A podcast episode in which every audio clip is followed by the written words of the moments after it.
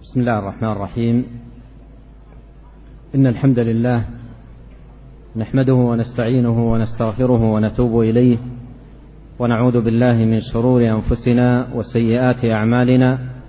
من يهده الله فلا مضل له ومن يضلل فلا هادي له. وأشهد أن لا إله إلا الله وحده لا شريك له. وأشهد أن محمدا عبده ورسوله صلى الله وسلم عليه وعلى آله وأصحابه أجمعين. اللهم لا علم لنا إلا ما علمتنا اللهم علمنا ما ينفعنا وزدنا علما وأصلح لنا شأننا كله ولا تكلنا إلى أنفسنا طرفة عين. أما بعد أيها الإخوة الكرام أسأل الله عز وجل بأسماء الحسنى وصفاته العليا أن يبارك في جمعنا هذا وأن يرزقنا جميعا الإخلاص والتوفيق والعون على كل خير وألا يكلنا إلى أنفسنا طرفة عين وأن يصلح لنا شأننا كله وأن يجعلنا هداة مهتدين غير ضالين ولا مضلين وأن يزيننا بزينة الإيمان إنه تبارك وتعالى مجيب. وحديثنا أيها الإخوة الأكارم في هذا اللقاء حديث عن الإيمان الذي هو أعظم المطالب وأجل المقاصد وأنبل الأهداف الإيمان الذي به سعادة الدنيا والآخرة وبه نيل رضا الله سبحانه وتعالى والفوز بثوابه جل وعلا. الإيمان الذي يترتب على وجوده كل خير في الدنيا والآخرة ويترتب على فقده كل شر وبلاء. Bismillahirrahmanirrahim. Setelah Syekh menyampaikan khutbatul hajahnya Beliau memohon kepada Allah Azza wa Jal semoga Allah Subhanahu wa taala memberkahi pertemuan kita pada hari ini dan semoga Allah Subhanahu wa taala memberikan rezeki kepada kita berupa keikhlasan dan taufik dalam hal bertawun di atas kebaikan. Dan juga beliau berdoa semoga Allah Subhanahu wa taala menghiasi kita semua dengan perhiasan iman. Dialah Allah Subhanahu wa taala Maha mendengar lagi Maha menjawab doa-doa para hambanya. Tema yang akan beliau bawakan pada kesempatan hari yang berbahagia ini adalah seputar iman yang merupakan seagung-agungnya kedudukan seagung-agungnya yang dituju oleh para hamba. Dan iman adalah merupakan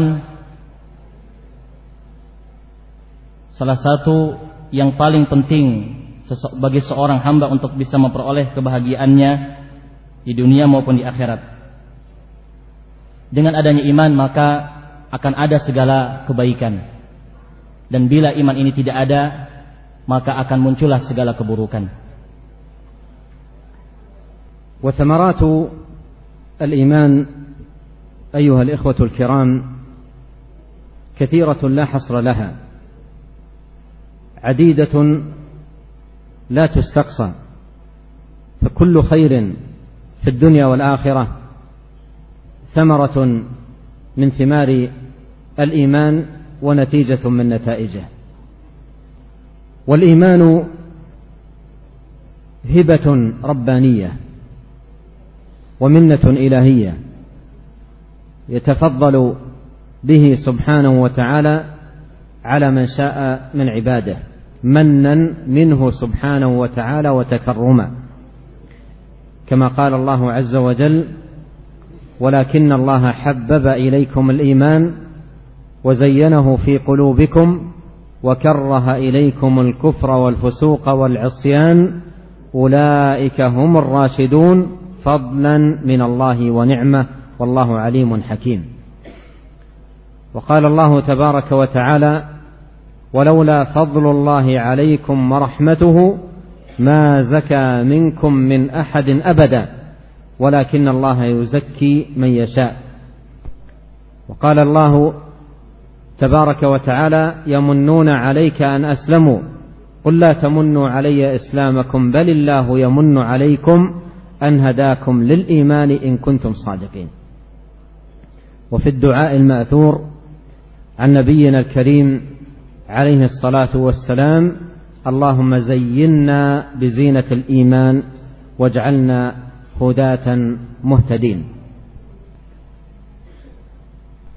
Beliau ingin menyampaikan tentang buah daripada keimanan.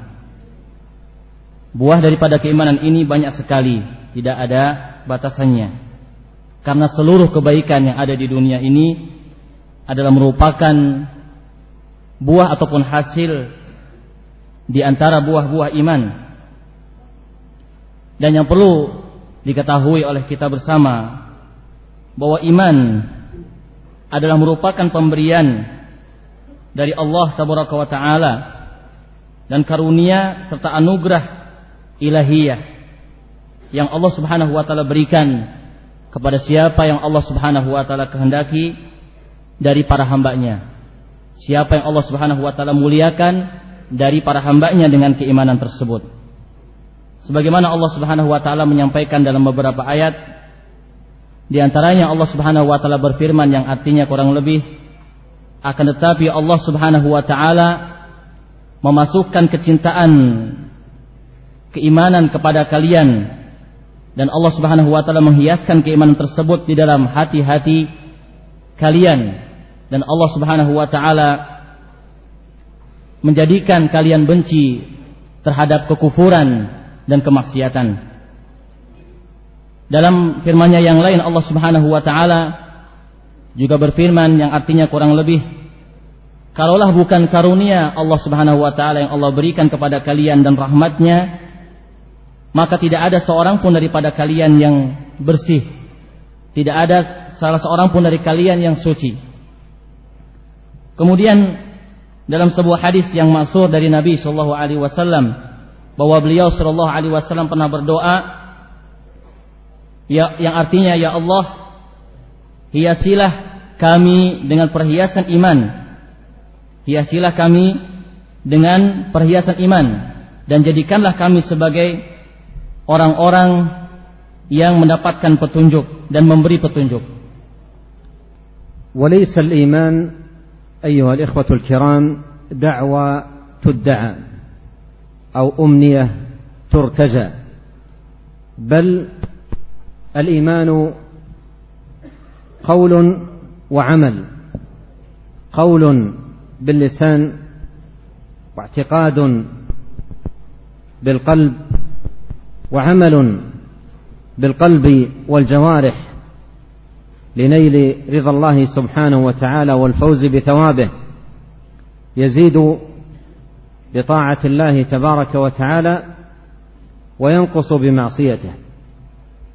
فالإيمان كما قال الحسن البصري رحمه الله ليس بالتمني ولا بالتحلي. ولكن الإيمان ما وقر في القلب وصدقته الأعمال.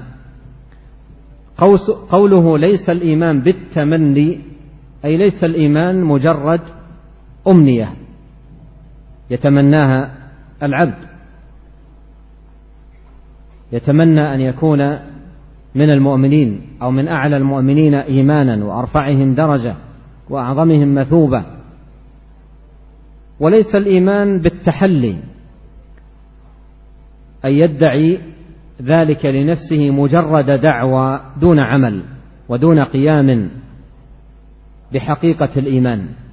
فليس الإيمان هذا ولا ذاك وإنما الإيمان أمر يقر في قلب المؤمن وتصدقه الأعمال. ومعنى تصدقه الأعمال أي تبرهن على صدقه وتكون دليلا على صدقه. بخلاف الإيمان الذي هو مجرد دعوة يدعيها الإنسان Beliau menyampaikan bahwa iman itu bukanlah sekedar klaim dan dakwaan belaka atau angan-angan belaka tetapi iman itu adalah perkataan dan perbuatan perkataan yang meliputi perkataan lidah sedangkan eh, dan juga keyakinan dalam hati. Sedangkan perbuatan meliputi perbuatan dengan hati dan perbuatan dengan anggota badan. Yang dengannya seorang dapat meraih kebahagiaan dari Allah taala. Dan iman ini akan bertambah dengan ketaatan kepada Allah Subhanahu wa taala dan berkurang dengan kemaksiatan kepadanya. Al Hasan Al Basri pernah menyampaikan bahwa iman itu bukan sekedar angan-angan, bukan sekedar dakwaan, tetapi iman itu adalah apa yang tertanam di dalam hati dan dibenarkan oleh anggota badan. Jadi maksud perkataan Al Hasan Al Basri bahwa al iman itu laisa bitamanni adalah bahwa iman itu bukan sekedar angan-angan. Dan maksud bahwasanya iman itu ya laisa bitahalli adalah bahwa bukan sekedar dakwaan belaka. Atau bukan sekedar klaim belaka. Tetapi iman itu kata beliau adalah apa yang tertanam di dalam hati seorang mukmin yang kemudian dibenarkan dalam wujud realisasi amal-amal perbuatannya. Dan ini berbeda Tentunya dengan iman yang hanya sekedar dakwaan belaka. وكلما عظم حظ العبد من الإيمان تحقيقا له وتتميما وتكميلا عظم نصيبه وحظه من نيل ثمرات الإيمان وخيراته وبركاته الدنيوية والأخروية. ولهذا يتفاوت العباد في أجورهم وثوابهم بحسب تفاوتهم في حظهم ونصيبهم من الإيمان. ولكل درجات مما عملوا وليوفيهم أعمالهم وهم لا يظلمون. وأهل الإيمان فيه ليسوا على رتبة واحدة ولا على درجة واحدة بل بينهم تفاوت بحسب حظهم ونصيبهم منه. قال الله تبارك وتعالى ثم أورثنا الكتاب الذين اصطفينا من عبادنا فمنهم ظالم لنفسه ومنهم مقتصد ومنهم سابق بالخيرات بإذن الله ذلك هو الفضل الكبير. جنات عدن يدخلونها. فذكر تبارك وتعالى أن عباده المصطفين على رتب ثلاث فهم ليسوا على رتبة واحدة بل على رتب وأساس ذلك هو حظهم ونصيبهم من الإيمان. فمنهم من يقوى إيمانه فيكون سابقا بالخيرات ومنهم من يكون دون ذلك فيكون مقتصدا أي مقتصرا على الفرائض والواجبات ومنهم من يظلم نفسه بتفريط في واجب من واجبات الإيمان أو ارتكاب محظور من محظوراته.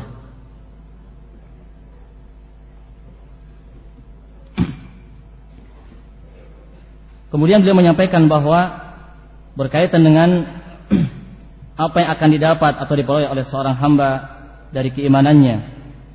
Bahwa semakin besar semakin besar bagian yang dia ambil daripada keimanannya tersebut dalam hal realisasi dia terhadap keimanan dan dalam hal menyempurnakan keimanannya maka akan semakin besar pula bagian yang dia peroleh dari buah keimanan tersebut baik itu di dunia maupun itu di akhirat.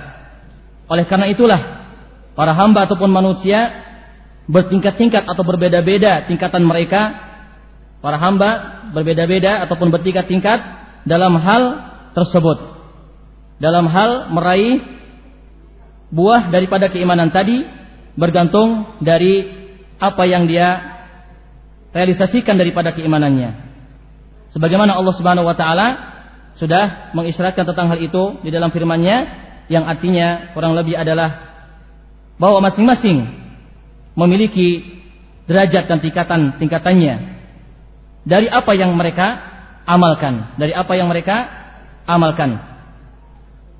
Maka di sini beliau menyampaikan dan menegaskan intinya bahwa para hamba itu dalam hal keimanan tidak dalam tingkatan yang sama. Tetapi mereka berbeda-beda tingkatannya.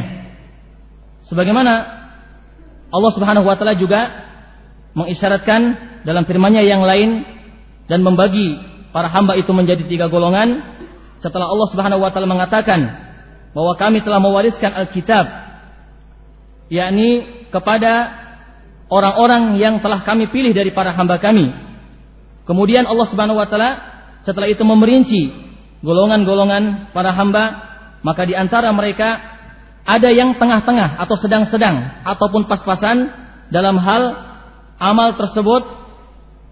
Kemudian ada di antara mereka yang mendolimi dirinya sendiri dan ada di antara mereka yang berlomba-lomba di dalam kebaikan. Inilah perbedaan-perbedaan tingkatan yang ada yang diberitakan oleh Allah Subhanahu wa taala berkaitan dengan para hamba dalam hal keimanan. Dan yang menjadi asas dalam hal ini adalah semuanya bergantung kepada sejauh mana mereka mengambil bagian daripada keimanan kepada Allah Subhanahu wa taala. Maka di antara mereka ada yang memiliki keimanan yang kuat yang kemudian mereka merealisasikan keimanan tersebut dengan baik, maka mereka itulah orang-orang yang berlomba-lomba dalam kebaikan sehingga mereka pun akan mendapatkan tingkatan yang tertinggi daripada iman dan juga buah hasil yang paling tinggi pula. Dan di antara mereka ada yang kurang dari itu, yang tengah-tengah, yang pas-pasan, yaitu mencukupkan diri dengan perkara-perkara yang wajib dan dalam hal meninggalkan yang haram saja. Sedangkan di sana ada pula golongan orang-orang yang mendolimi dirinya sendiri, apakah itu dengan meninggalkan kewajiban ataukah dengan melakukan ataupun melanggar suatu kemaksiatan. وهذا أيها الإخوة الكرام يستوجب من المؤمن الناصح لنفسه أن تعظم عنايته بإيمانه ورعايته له وحرصه على تكميله وتتميمه لأنه يعيش في ضوء وظل هذه الرعاية لإيمانه والعناية به حياة صراع ومجاهدة لأن الصوارف والصواد عن الإيمان كثيرة جدا ولا سيما في زماننا هذا الذي كثرت فيه أبواب الفتن وكثرت فيه المنافذ والمداخل التي تشغل عن الإيمان وتصرف عن الدين.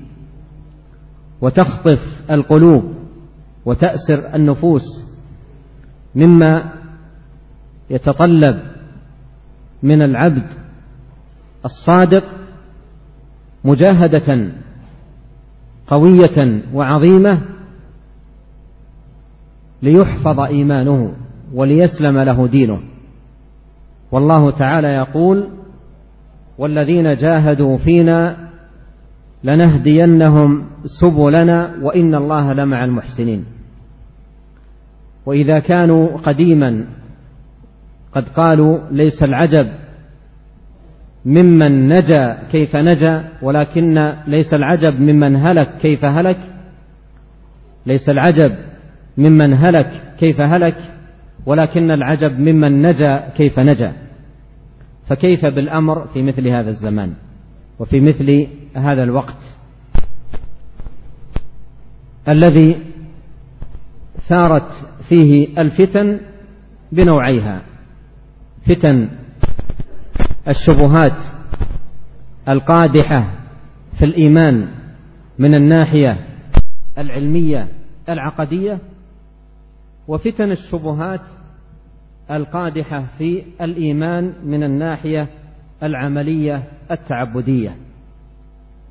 فالأمر يحتاج إلى مجاهدة عظيمة ورعاية دقيقة واهتمام بالغ.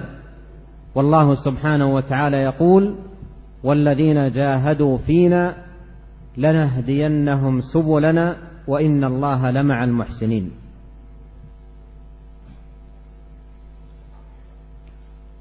Beliau kemudian menyampaikan para ikhwah sekalian apa yang sudah dipaparkan sebelumnya hal ini mewajibkan atau menuntut kepada seorang mukmin yang nasih terhadap dirinya sendiri yang pandai menasihati dirinya sendiri agar memperbesar perhatiannya terhadap keimanannya dan berupaya keras bagaimana menjaga keimanannya dan juga bagaimana menyempurnakan keimanannya tersebut. Karena seorang mukmin pada saat ini hidup dalam naungan kehidupan yang keras, kehidupan yang menghadapi berbagai macam tantangan-tantangan ataupun penghalang-penghalang yang banyak dari keimanan. Dan juga khususnya di situ pada masa kita yang banyak sekali pintu-pintu fitnah yang kesemuanya dapat memalingkan seorang hamba daripada keimanan dapat memfitnah hati-hati manusia atau para hamba. Dan ini semuanya menuntut kepada seorang hamba yang sabar untuk bermujahadah untuk berupaya keras, berupaya kuat bagaimana menjaga keimanannya tersebut agar jangan sampai iman tersebut lari dari dirinya. Sebagaimana Allah Subhanahu wa taala telah firmankan yang artinya kurang lebih adalah dan orang-orang yang berjuang bersungguh-sungguh di jalan kami niscaya kami akan berikan petunjuk kepada jalan-jalan kami Sesungguhnya Allah Subhanahu wa taala bersama orang-orang yang berbuat kebajikan. Apabila mereka dahulu pernah mengatakan yang mengherankan atau yang takjub itu bukanlah dari kebinasaan ataupun kecelakaan bagaimana bisa celaka tetapi di situ apa namanya bukanlah ya sesuatu yang mengherankan itu adalah seseorang yang telah celaka bagaimana dia celaka? Tetapi di situ ya untuk saat ini di zaman ini yang takjub yang mengherankan adalah seorang yang selamat bagaimana dia bisa selamat? Karena saking sulitnya seseorang bisa selamat ya keimanannya pada masa-masa fitnah ini. Yang mana fitnah ini membawa dua macamnya yaitu baik fitnah syubhat yang dapat merusak keyakinan atau etikad serta dari sisi ilmiah seorang hamba dan juga fitnah syahwat yang dapat merusak dari sisi amal-amal dan ibadah-ibadah seorang hamba. Maka Allah Subhanahu wa taala sekali lagi di situ mengingatkan kepada kita semua ayat yang sudah dibacakan yang artinya tadi adalah dan orang-orang yang berjuang keras di jalan kami niscaya kami akan berikan petunjuk kepada mereka jalan-jalan kami sesungguhnya Allah Subhanahu wa taala bersama dengan orang-orang yang berbuat kebajikan. وفي الحديث يقول عليه الصلاة والسلام المجاهد من جاهد نفسه في طاعة الله. وذلك أن حياة المؤمن حياة صراع مع الباطل وله أعداء كثر. منهم أعداء يرونه ولا يراهم. وعدو يراك ولا تراه شديد المؤنة. قال الله تعالى إن الشيطان لكم عدو فاتخذوه عدوا إنما يدعو حزبه ليكونوا من أصحاب السعير. وهناك أعداء في قالب الأصدقاء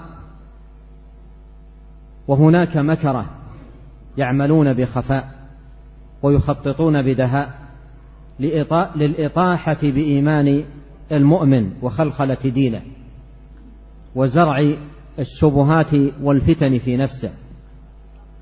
فالمؤمن الصادق يعيش حياة مجاهدة صادقة يرجو من ربه سبحانه وتعالى أن ينجيه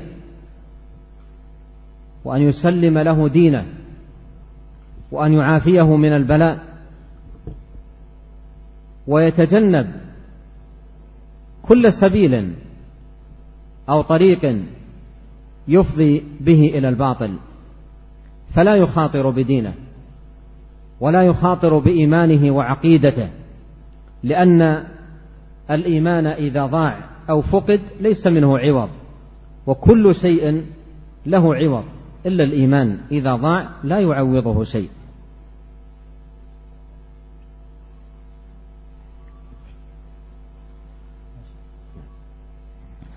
Dan dalam sebuah hadis dari Nabi sallallahu alaihi wasallam beliau bersabda yang artinya kurang lebih adalah seorang mujahid adalah seorang yang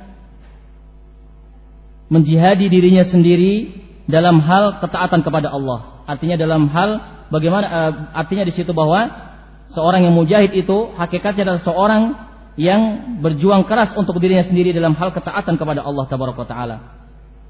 Hal itu dikarenakan seorang mukmin pada masa ini khususnya hidup dalam keadaan bergelut dan berperang dengan kebatilan dan dia memiliki musuh-musuh yang banyak.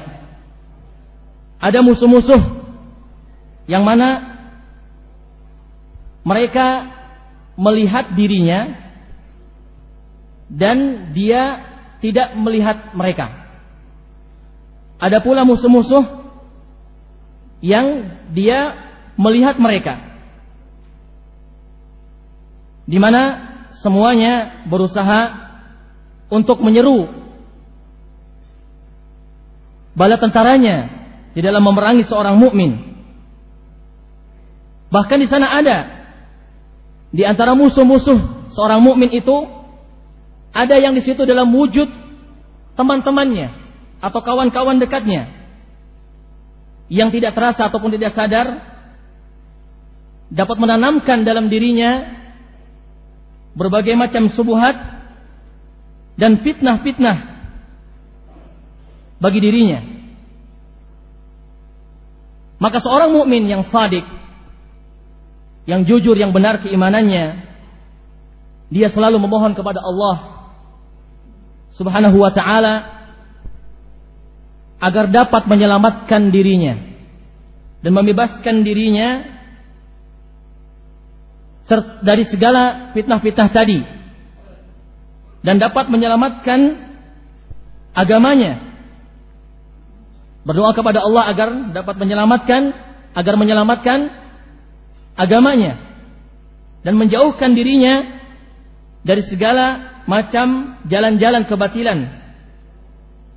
Karena apabila iman sudah lenyap ataupun hilang dari diri seorang, maka tidak ada gantinya. Berbeda dengan benda-benda ataupun harta yang dimiliki oleh manusia yang apabila hilang masih bisa ada gantinya. Tapi iman apabila hilang dari diri seorang hamba maka tidak ada gantinya. وهذا يتطلب من العبد أن يفكر دائما بالنجاة. وكيف يكون من الفائزين؟ قد قال الله سبحانه وتعالى فمن زحزح عن النار وأدخل الجنة فقد فاز وما الحياة الدنيا إلا متاع الغرور. يجب عليه أن يهتم في نجاته وسلامته والحفاظ على دينه والبعد عن القوادح فيه في أصله أو في كماله. فالإيمان له نواقص وله نواقض. يجب أن يحترز منها ويحذر من الوقوع فيها. والنجاة في هذا الأمر بعد اللجوء إلى الله وطلب العون منه والتوفيق والتسديد أن يعتبر المؤمن الإيمان مفزعه في كل أمر ومرتكزه في كل سير لأن العبد في هذه الحياة يتقلب بين أمور وأمور. فإذا كان الإيمان هو المفزع في أموره كلها كانت بذلك نجاته. وهذه جملة مهمة للغاية تحتاج إلى شيء من التفصيل والبيان بضرب المثال الذي يتضح به المقال ويستبين به المعنى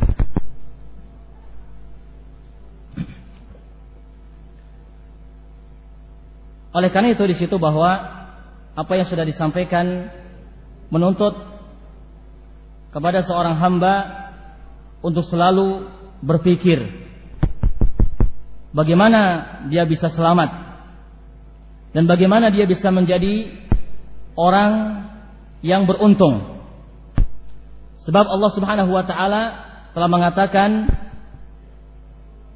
dalam firman-Nya yang artinya kurang lebih dan barang siapa yang dijauhkan dari api neraka dan dimasukkan ke dalam surga maka dia sungguh telah beruntung.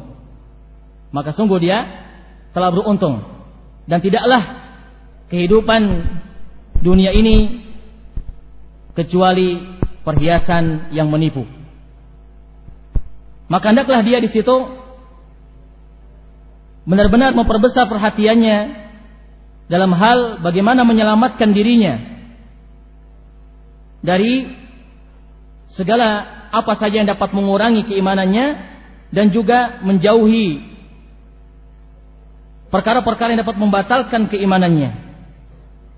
Dia harus berhati-hati dan waspada Jangan sampai jatuh kepada perkara-perkara yang dapat mengurangi ataupun yang dapat membatalkan keimanan tersebut. Jadi ada di situ dua hal yang dapat menggerogoti keimanan seorang yaitu perkara-perkara yang dapat mengurangi keimanan dan yang lebih parah lagi adalah hal yang dapat membatalkan keimanan. Maka di situ hakikat daripada keselamatan dalam perkara ini setelah seseorang tentunya bersandar kepada Allah tabaraka taala dan memohon pertolongan darinya serta taufik darinya maka di situ bagaimana dia juga berusaha seorang mukmin harus berusaha untuk meluruskan dan juga mengambil jalan yang sebaik mungkin dalam hal bagaimana dia menjaga keimanannya di setiap waktu dan di setiap tempat di mana pun dia berada. Karena yang namanya seorang hamba dalam kehidupan dunia ini dia hidup di antara berbagai macam hal yang beragam. Sehingga di situ dia dituntut untuk selalu waspada mana perkara-perkara yang dapat menyelamatkan keimanannya dan mana perkara-perkara yang justru dapat merusak keimanannya. Dan kalimat ini adalah merupakan kalimat yang sangat penting dan itu memerlukan sedikit perincian yang insya Allah Taala nanti akan dijelaskan dengan beberapa contoh yang akan disampaikan oleh beliau. Inna العبد أيها الإخوة الكرام لا يزال يتقلب في هذه الحياة بين أمور عديدة وأحوال متنوعة. فتارة يكون في طاعة وفق إليها وتارة يكون في معصية ابتلي بها فليس المؤمن بالمعصوم بل كل بني آدم خطاء. وتارة يكون في صحة وعافية وتارة يبتلى بمرض واعتلال في صحته. تارة يكون في غنى وسعة في المال وتارة يكون في فقر وقلة ذات يد. وتارة يبتلى بفقد محبوب أو حصول كرب فتارة يبتلى بأمور تفرحه وتارة يبتلى بأمور تحزنه. وهكذا تجده يتقلب بين هذه الأمور. فإذا كان إيمانه هو المفزع في كل أمر من الأمور كانت السعادة معه في كل أحواله. والطمأنينة معه في كل شؤونه والسعادة مصاحبة له في كل وقت. وقد قال عليه الصلاة والسلام عجبا لأمر المؤمن إن أمره كله خير.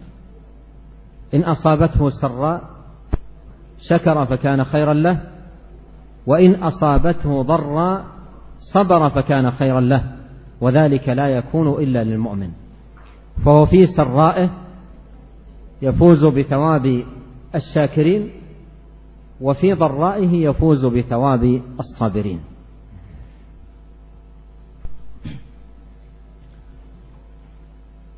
Sesungguhnya seorang hamba itu, wahai para ikhwah sekalian, akan senantiasa terus dituntut dalam kehidupan dunia ini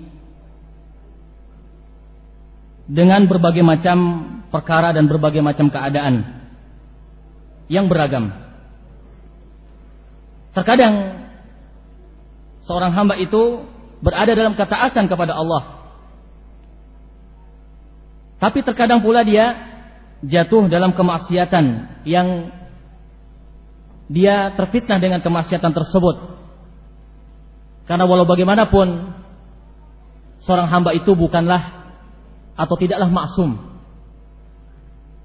Dan Nabi Shallallahu Alaihi Wasallam telah menegaskan bahwa setiap anak Adam itu pastinya jatuh dalam kesalahan. Sebagaimana beliau katakan kulu bani Adam khata. Kemudian juga di sisi yang lain terkadang dia berada dalam kesehatan, dalam keadaan yang sehat. Tapi terkadang juga dia diuji oleh Allah Subhanahu wa taala dengan ditimpakan rasa sakit kepada dirinya. Terkadang seorang hamba dalam keadaan berkecukupan, memiliki kekayaan dan kelapangan rezeki. Tapi terkadang pula Allah Subhanahu wa taala mengujinya dengan kefakiran dan kekurangan dalam kehidupan dia. Dan terkadang pula Allah Subhanahu wa taala mengujinya dengan kehilangan orang yang dia cintai. Meninggal dunia misalnya. Orang yang dia cintainya itu. Dan terkadang pula dia dalam keadaan diuji oleh Allah Subhanahu wa taala dengan perkara-perkara yang membahagiakan dirinya. Di sisi yang lain Allah pun mengujinya dengan perkara-perkara yang membuatnya sedih. Oleh karena itu, apabila seorang hamba menjadikan imannya sebagai sandaran dan tempat kembali dalam menghadapi segala keadaan dan perkara-perkara di kehidupannya di dunia ini, niscaya dia akan berada dalam ketenangan dan selalu dalam keadaan yang bahagia di kehidupannya di dunia ini. Oleh karena itu Nabi SAW telah memuji orang yang beriman dengan mengatakan dalam sabdanya yang artinya sungguh menakjub, sungguh menakjubkan perkaranya orang yang mukmin itu. Sungguh menakjubkan perkara orang mukmin itu. Karena seluruh urusannya baik baginya. Seluruh urusannya baik baginya. Bila dia mendapatkan kelapangan dan kesenangan, dia bersyukur kepada Allah Subhanahu wa taala dan itu baik baginya. Dan sebaliknya apabila dia ditimpa dengan kesusahan dan kesempitan, dia bersabar dan itu pun baik baginya. Maka seluruh urusan seorang mumin itu sungguh menakjubkan karena semuanya baik baginya. Dan itu tidak ada kecuali pada diri seorang mukmin. Tidak ada kecuali pada diri seorang mukmin. Jadi apabila dia mendapatkan kesenangan dan kelapangan, dia bersyukur. Dan dengannya dia pun mendapatkan pahala dari Allah Subhanahu wa taala. Atas kesyukurannya. Dan apabila ditimpa dengan kesusahan dan kesulitan, dia bersabar, maka itu baik baginya karena dia pun akan memperoleh pahala dari kesabarannya. Ini oleh karena itu Nabi Sallam ya memuji orang yang beriman dan beliau takjub kepada diri seorang mukmin karena seluruh urusannya itu baik baginya. وهذا كله من الاهتداء بهدايات الإيمان كما قال الله تبارك وتعالى يهديهم ربهم بإيمانهم فمثلا إذا وفق لطاعة من الطاعات أو عبادة من العبادات يهديه إيمانه أن هذه الطاعة منة من الله وفضل. وأنه لولا فضل الله عليه سبحانه وتعالى لما وفق لهذه الطاعة ولما قام بها. فيحمد ربه سبحانه وتعالى على نعمائه ويشكره سبحانه وتعالى على منه وعطائه.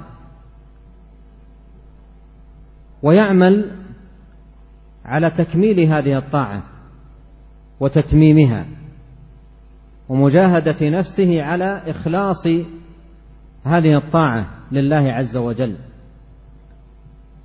وأن تكون موافقة لهدي النبي الكريم عليه الصلاة والسلام.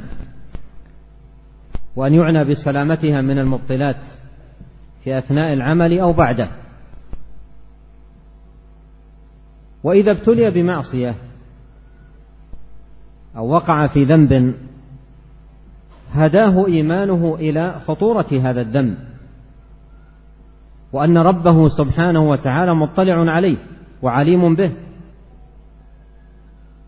وأنه سيحاسبه على ذلك وأن الواجب عليه أن يتوب إلى الله وينيب فتجده يسارع إلى الإنابة والتوبة مهتديا بهدايات إيمانه. وإذا نال أمرا مفرحا وحصل أمرا مرغوبا علم أن ذلك من فضل الله سبحانه وتعالى عليه. وفي الحديث إن الله ليرضى عن عبده أن يأكل الأكلة فيحمده عليها ويشرب الشربة فيحمده عليها. فيعلم أن ذلك من فضل الله عليه. وإذا ابتلي بأمر محزن أو مؤلم فإن إيمانه يهديه إلى أن ما أصابه لم يكن ليخطئه وما أخطأه لم يكن ليصيبه. ما أصاب من مصيبة إلا بإذن الله ومن يؤمن بالله يهدي قلبه. إن الله بكل شيء عليم.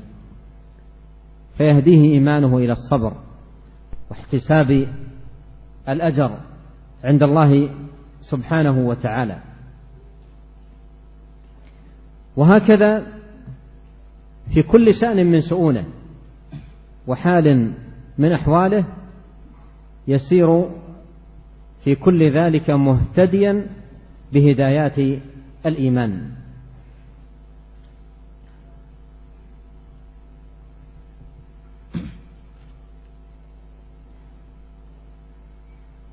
Dan kata beliau, itu semua yang sudah disampaikan adalah di antara bentuk-bentuk mengambil petunjuk dari petunjuk iman. Allah Subhanahu wa taala telah berfirman yang artinya Rob mereka telah memberi petunjuk kepada mereka dengan keimanan mereka. Apa penjelasannya di situ berkenaan dengan menjadikan iman ini sebagai petunjuk bagi seorang hamba? Yaitu apabila seorang hamba diberi taufik oleh Allah Subhanahu wa taala berupa ketaatan di antara berbagai macam ketaatan maka keimanannya di situ memberi petunjuk kepada dia memberi penjelasan kepada dia bahwasanya ketaatan yang berhasil dilakukannya ataupun yang dia mampu kerjakan semata-mata itu merupakan karunia dan anugerah dari Allah Subhanahu wa taala. Dan dia yakin Kalaulah bukan karena semata-mata karunia dari Allah Subhanahu wa taala, dia tidak mungkin mampu untuk berada dalam ketaatan kepadanya. Maka dia kemudian memuji Allah Subhanahu wa taala karena hal itu. Atas pemberian yang Allah Subhanahu wa taala berikan kepadanya berupa taufik dalam melaksanakan ketaatan dan dia kemudian berusaha bagaimana terus untuk continue di dalam ketaatan tadi dan bahkan kemudian bagaimana dia berusaha untuk mengembangkan ketaatan tadi dengan mujahadah dengan bersungguh-sungguh karena Allah Subhanahu wa taala. Dan juga tentunya berusaha bagaimana agar amal-amal dan ketaatan tersebut selalu sesuai dengan petunjuk Rasulnya dan Nabinya Muhammad Sallallahu Alaihi Wasallam. Dan juga dia berusaha ataupun memperhatikan berusaha untuk memperhatikan keselamatan imannya atau dirinya dari segala dari segala perkara yang dapat merusaknya Kemudian apabila dia terjatuh dalam sebuah kemaksiatan ataupun dosa, maka imannya kemudian memberikan penjelasan kepada dia akan bahaya dari dosa dan maksiat yang dia langgar. Dan bahwasanya imannya tersebut memberi petunjuk kepada dia bahwasanya adalah satu kewajiban bagi dirinya untuk segera bertobat kepada Allah taala kembali kepadanya. Maka dengan hal itu, kemudian dia pun bersegera untuk kembali kepada Allah Subhanahu wa taala. Contoh yang lainnya yaitu apabila dia memperoleh ataupun meraih perkara yang membahagiakan ataupun menyenangkan dirinya, dia pun mengetahui bahwa ini pun semata-mata merupakan karunia dari Allah Subhanahu wa taala. Maka dia pun memuji Allah Subhanahu wa taala atas hal itu. Sebagaimana Nabi sallallahu alaihi wasallam pernah menyampaikan yang artinya sesungguhnya Allah Subhanahu wa taala ridho terhadap seorang hamba dia makan lalu memujinya dan minum lalu dia memujinya atas apa yang Allah Subhanahu wa taala berikan dari makan dan minum tadi.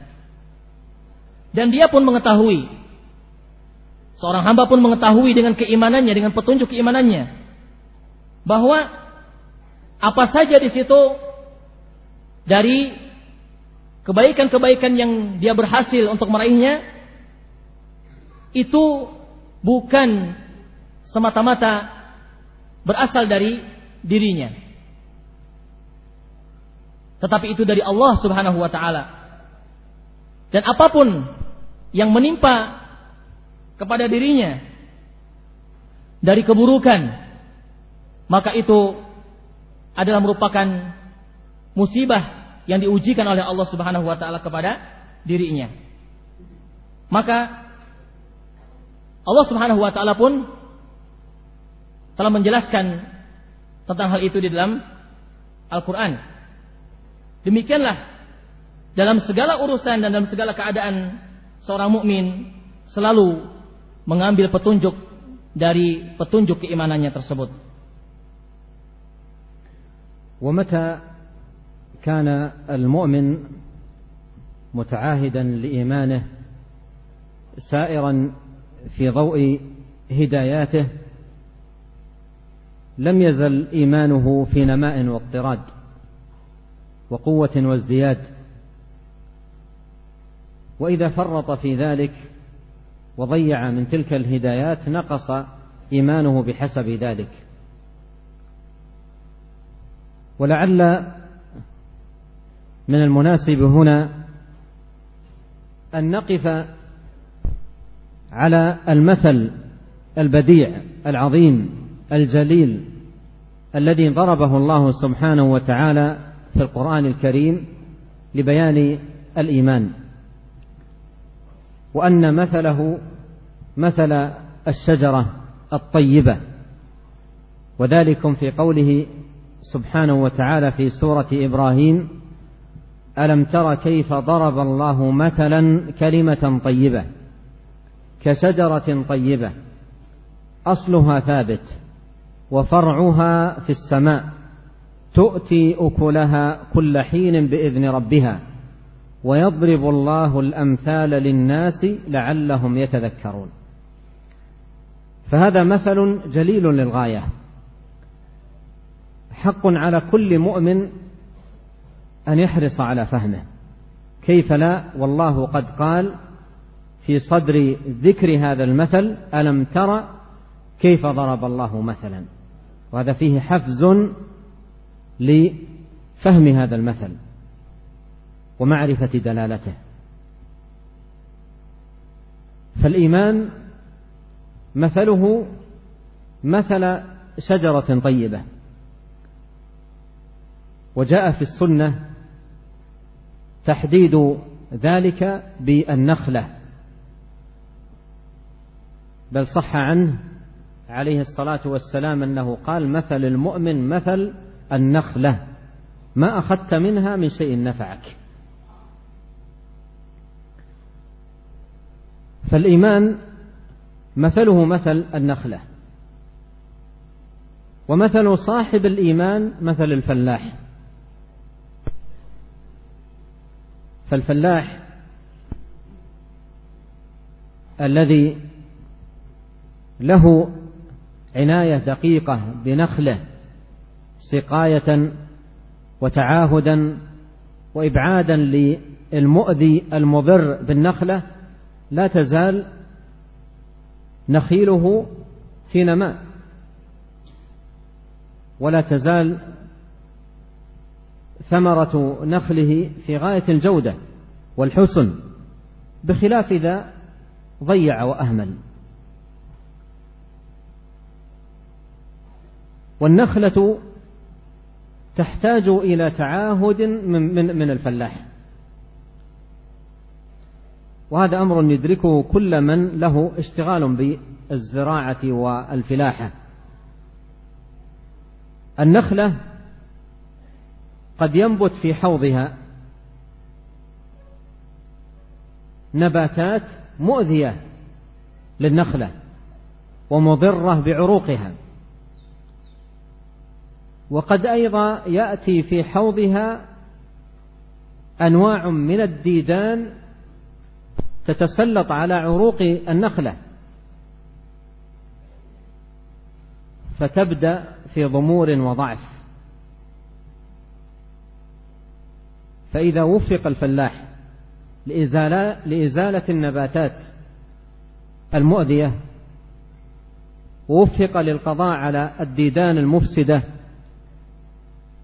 أخذت نخلته في نماء. وهذا أمر رأيناه وشاهدناه. تجد النخلة في ضمور فإذا أزيل عنها النباتات ونظف الحوض وقضي على الديدان بدأت تنمو بقوة. وإذا تعاهدها أيضا بالسقي كلما احتاجت إلى ذلك زاد ذلك زادت تلك النخلة نماء. والإيمان شأنه كذلك. وإذا كان سقي النخلة بالماء فإن سقي شجرة الإيمان بالوحي. وقد قال الله سبحانه وتعالى ألم يأن للذين آمنوا أن تخشع قلوبهم لذكر الله وما نزل من الحق؟ ولا يكونوا كالذين أوتوا الكتاب من قبل فطال عليهم الأمد فقست قلوبهم وكثير منهم فاسقون. اعلموا أن الله يحيي الأرض بعد موتها. قد بينا لكم الآيات لعلكم تعقلون. أي كما أن الله سبحانه وتعالى يحيي الأرض الميتة بالماء فكذلكم القلوب إنما تكون حياتها بالوحي. فإذا الإيمان مثله مثل الشجرة. له سقي وله أصل وله فرع أو له فروع وله ثمار.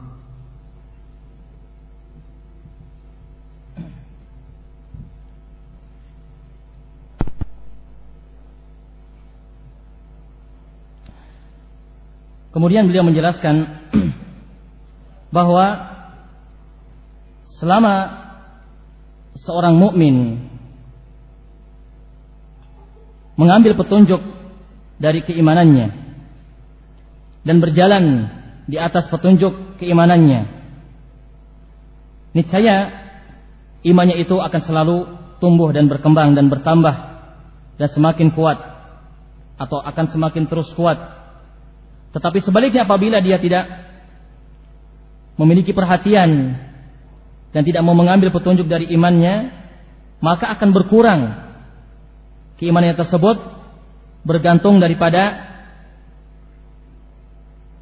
apa yang dia lakukan dari perkara-perkara yang dapat mengurangi keimanannya tersebut.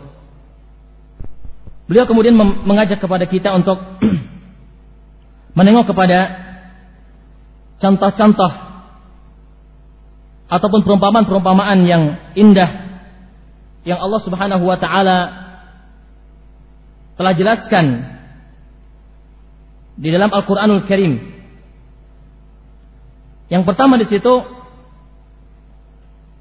Allah Subhanahu wa taala menjelaskan bahwa perumpamaan iman itu bagaikan perumpamaan pohon yang baik. Sebagaimana Allah Subhanahu wa taala telah jelaskan di dalam firman-Nya yang artinya Tidakkah kamu lihat bagaimana Allah Subhanahu wa taala telah memberikan suatu perumpamaan sebuah pohon yang baik yang mana pohon ini akarnya kokoh dan dia batangnya tumbuh menjulang ke langit yang mana memberikan hasilnya di setiap waktu dengan izin Robnya, dengan izin Tuhannya. Maka ini adalah merupakan satu perumpamaan yang indah, yang benar-benar indah. Seorang mukmin harus benar-benar berupaya keras dan bersungguh-sungguh untuk memperhatikan pohon keimanannya ini. Dan ketika Allah Subhanahu wa taala mengawali firman-Nya dengan mengatakan, "Tidakkah kamu lihat bagaimana Allah Subhanahu wa taala memberikan sebuah permisalan? Ini sebagai bentuk mukaddimah ataupun takdim dari Allah Subhanahu wa taala untuk memberikan perhatian dan agar memusatkan perhatian kepada perumpamaan yang akan diberikan dan juga sekaligus untuk memberikan ya mendekatkan pemahaman terhadap perhatian eh, terhadap perumpamaan yang Allah Subhanahu wa taala akan sampaikan. Maka iman ini diibaratkan oleh Allah Subhanahu wa taala sebagai sebuah pohon yang baik. Dan di dalam sunnah Nabi SAW telah menetapkan bahwa pohon yang dimaksud adalah pohon kurma. Bahwa pohon yang dimaksud adalah pohon kurma. Di mana beliau pernah bersabda yang artinya perumpamaan seorang mumin itu bagaikan se sebuah pohon kurma Apabila kamu mengambil daripadanya, maka aku, kamu akan mengambil manfaat dari seluruh apa yang ada padanya itu. Karena seluruh bagian daripada pada pohon korma ini dapat diambil manfaatnya. Dari mulai akarnya sampai dengan buahnya. Maka perumpamaan iman adalah bagaikan sebuah pohon. Sedangkan pemilik iman yaitu seorang mukmin dia adalah bagaikan seorang petani ya kalau tadi diungkapkan bahwa iman itu di, diibaratkan sebagai pohon korma maka pemilik iman itu bagaikan seorang pemilik pohon korma seorang petani ya korma maka petani pohon korma petani ya pohon korma ini dia memiliki perhatian yang besar. Perhatiannya sesama terhadap pohonnya. Bagaimana agar pohonnya itu agar pohon agar pohon kormanya ini tetap tumbuh. Tetap tumbuh dan sampai dapat membuahkan hasilnya nanti. Berbeda apabila nanti dia tidak memberikan perhatian sedikit pun kepada pohon korma miliknya. Tentunya di situ akan menyebabkan pohon kormanya ini bisa saja akan mati dan tidak lagi bisa tumbuh.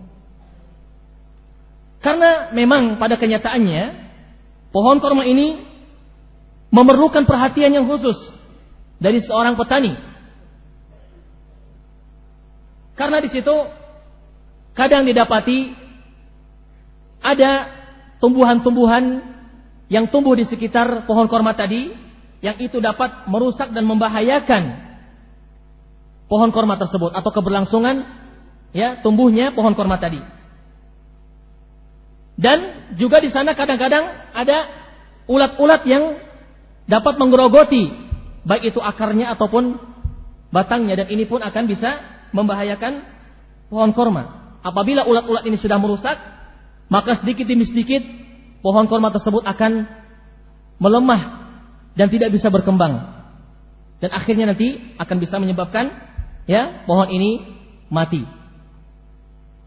Dan ini kata beliau adalah perkara yang dapat kita saksikan dengan nyata bahwa saya seorang petani.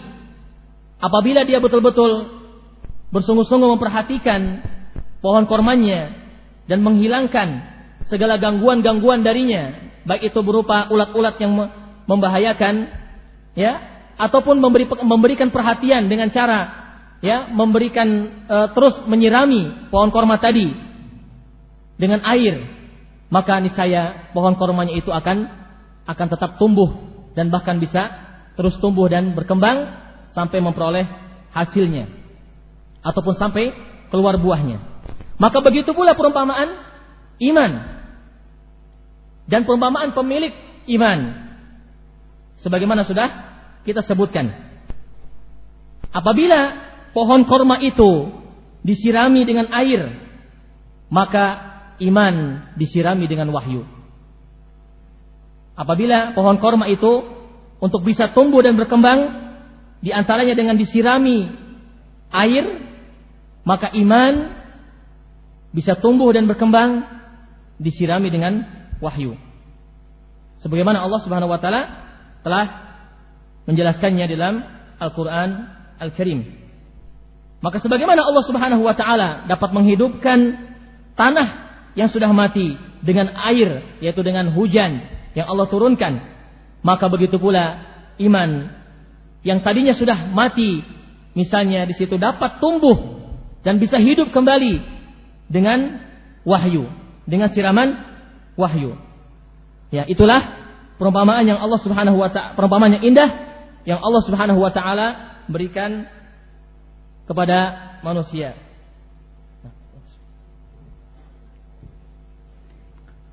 أما سقي الإيمان فوحي الله وكلامه وحي الله عز وجل كلامه وكلام رسوله صلى الله عليه وسلم الكتاب والسنة.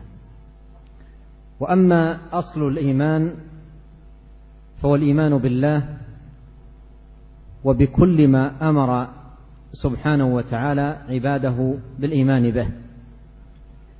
وجماع ذلك ما ورد في قوله ولكن البر من آمن بالله واليوم الآخر والملائكة والكتاب والنبيين وقوله كل آمن بالله وملائكته وكتبه ورسله لا نفرق بين أحد من رسله وقالوا سمعنا وأطعنا غفرانك ربنا وإليك المصير وقوله يا أيها الذين آمنوا آمنوا بالله ورسوله والكتاب الذي نزل على رسوله والكتاب الذي أنزل من قبل ومن يكفر بالله وملائكته وكتبه ورسله واليوم الآخر فقد ضل ضلالا بعيدا.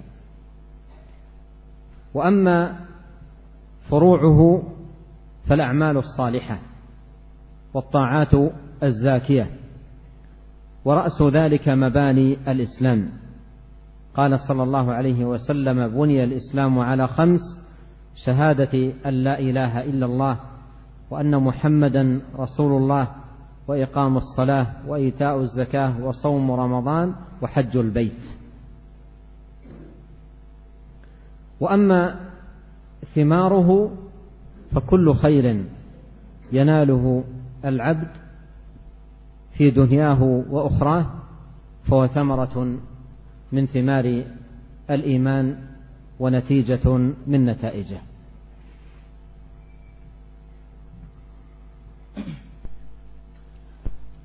Dan kemudian di sana yang patut kita perhatikan bahwa bagian-bagian korma itu ada akarnya, ada batangnya, dan juga ada buahnya.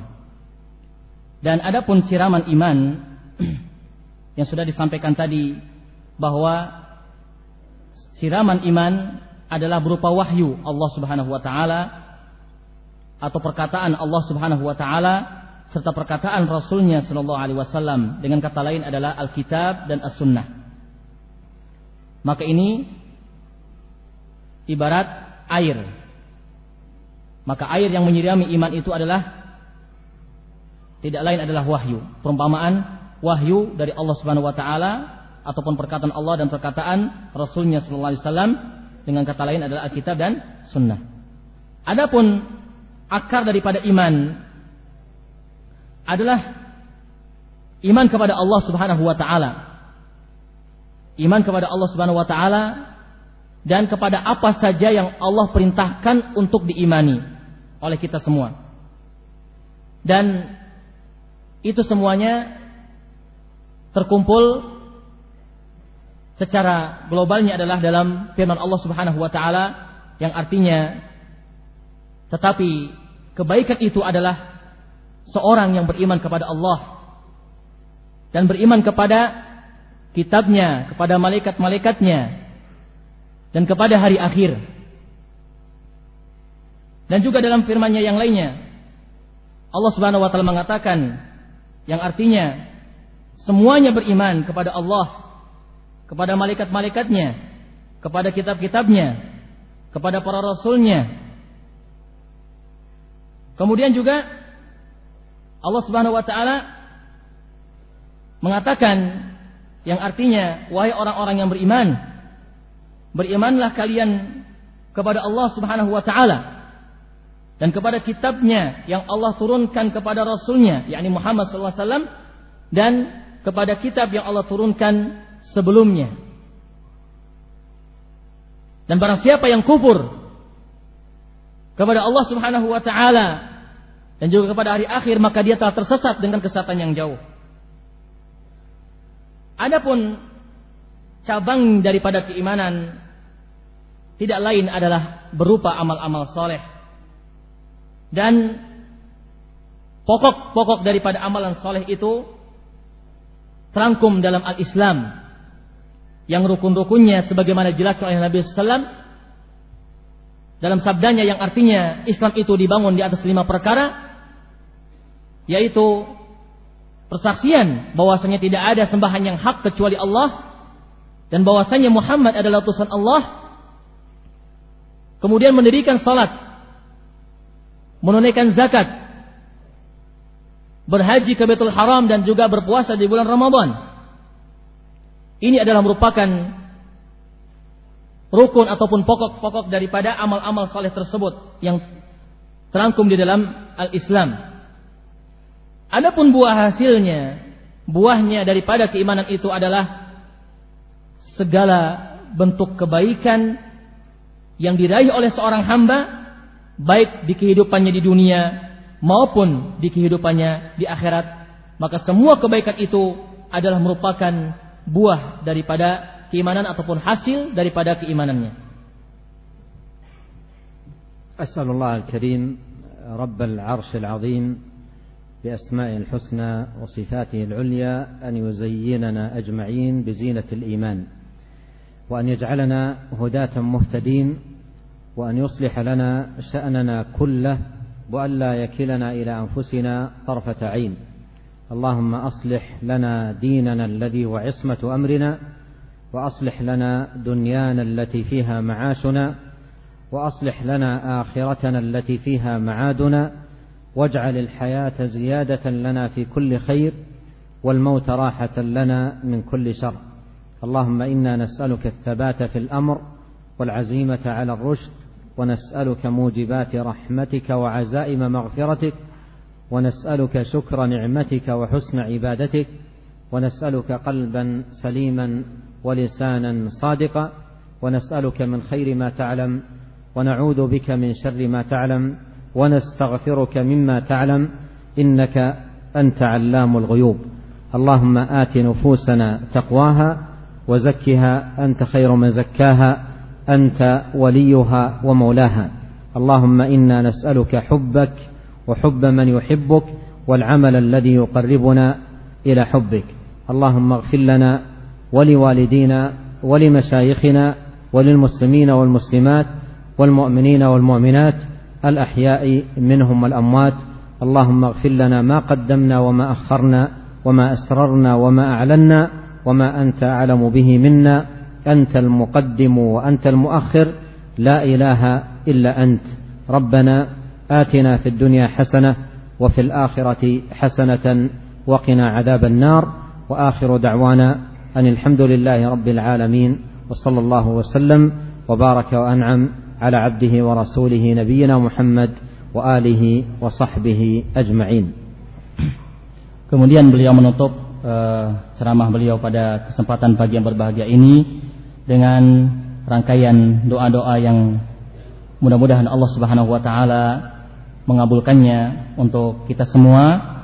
Ya, di situ banyak sekali doa yang beliau berikan atau yang beliau uh, ucapkan. Di antaranya di situ beliau berdoa agar Allah Subhanahu wa taala uh, menghiasi hati kita dengan hiasan keimanan dan menjadikan kita tergolong ke dalam orang-orang yang dapat memberi petunjuk dan diberi petunjuk. Kemudian juga doa di antaranya yang beliau ucapkan adalah uh, beliau memohon kepada Allah Subhanahu wa taala semoga Allah Subhanahu wa taala dapat memperbaiki agama kita yang itu merupakan pegangan dan pedoman kita dan e, kemudian juga memohon kepada Allah agar e, memperbaiki kehidupan kita di dunia dan juga memperbaiki kehidupan kita di akhirat dan menjadikan segala e, apa namanya masa kehidupan kita ini dengan kebaikan dan menutup dari segala keburukan. Dan juga Allah e, dan beliau juga di antaranya berdoa agar Allah Subhanahu wa taala menetapkan dan meneguhkan kita semuanya di atas agamanya. Kemudian juga beliau menyampaikan doa agar Allah Subhanahu wa taala memberikan ketakwaan kepada diri kita dan juga memohon ampun ya untuk baik itu orang tua orang tua kita kepada guru-guru kita dan kepada seluruh kaum muslimin. Intinya ini adalah merupakan akhir dari ceramah beliau dan insyaallah taala uh, akan dilanjutkan dengan sesi tanya jawab yang insyaallah uh, bagi para ikhwah yang ingin menyampaikan pertanyaannya uh, silahkan untuk ditulis ya melalui kertas baik itu dengan bahasa Arab ya ataupun dengan bahasa Indonesia. Nanti saya akan terjemahkan insyaallah taala.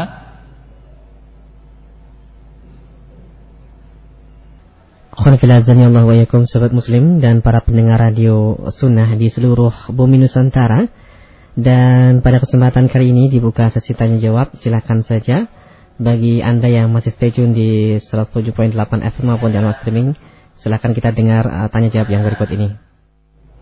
Saya terjemahkan dulu dalam bahasa Indonesia pertanyaannya.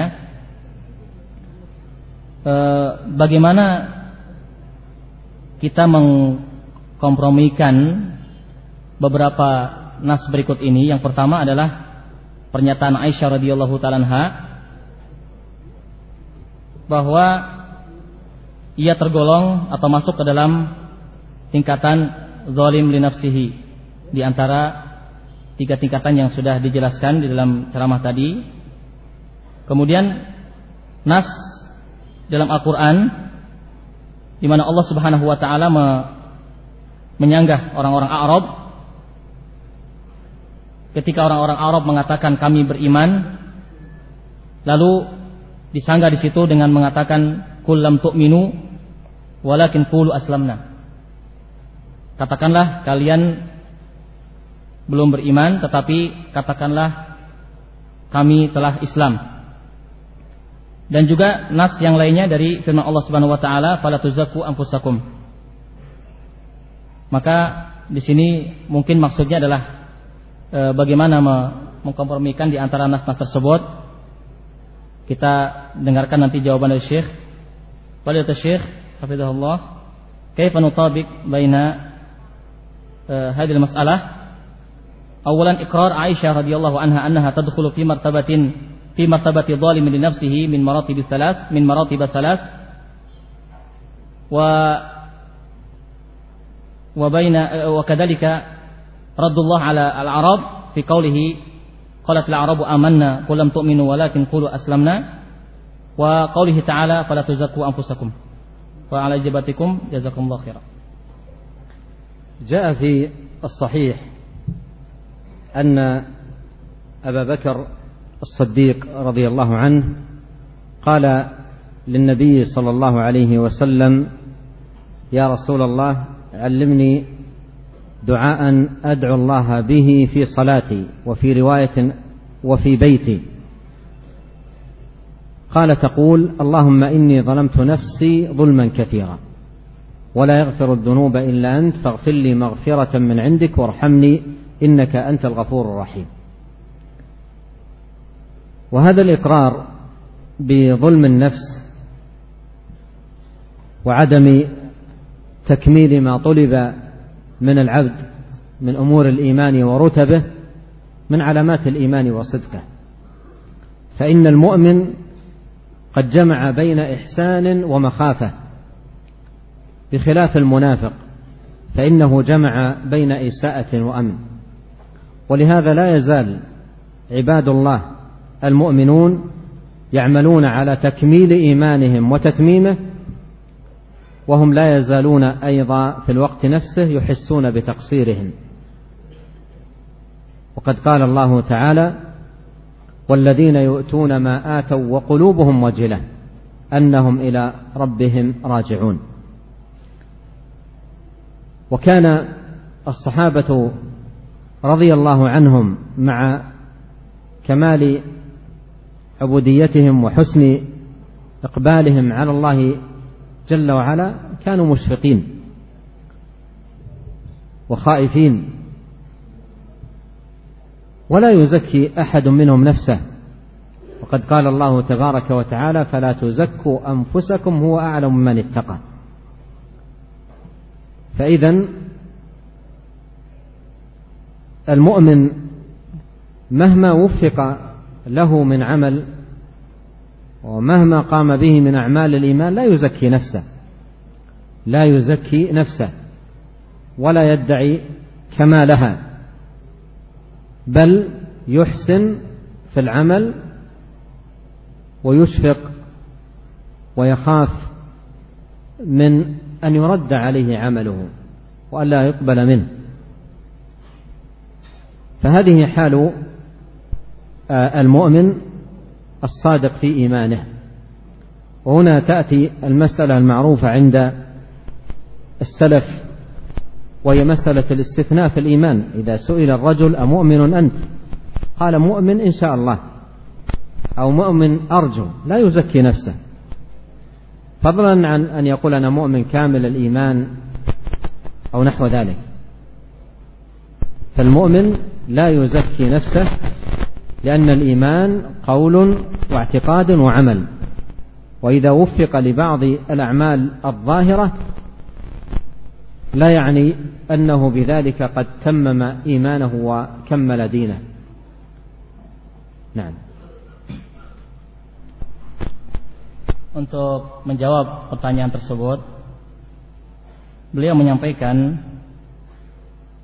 Telah datang dalam Riwayat yang sahih bahwa Abu Bakar radhiyallahu taala Abu Bakar Siddiq radhiyallahu taala berkata kepada Nabi sallallahu "Wahai Rasulullah, ajarkanlah kepadaku sebuah doa yang aku bisa ucapkan dalam salatku."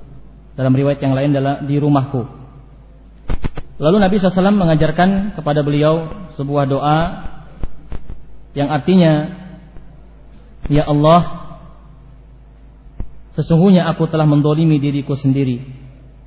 Maka ampunilah aku.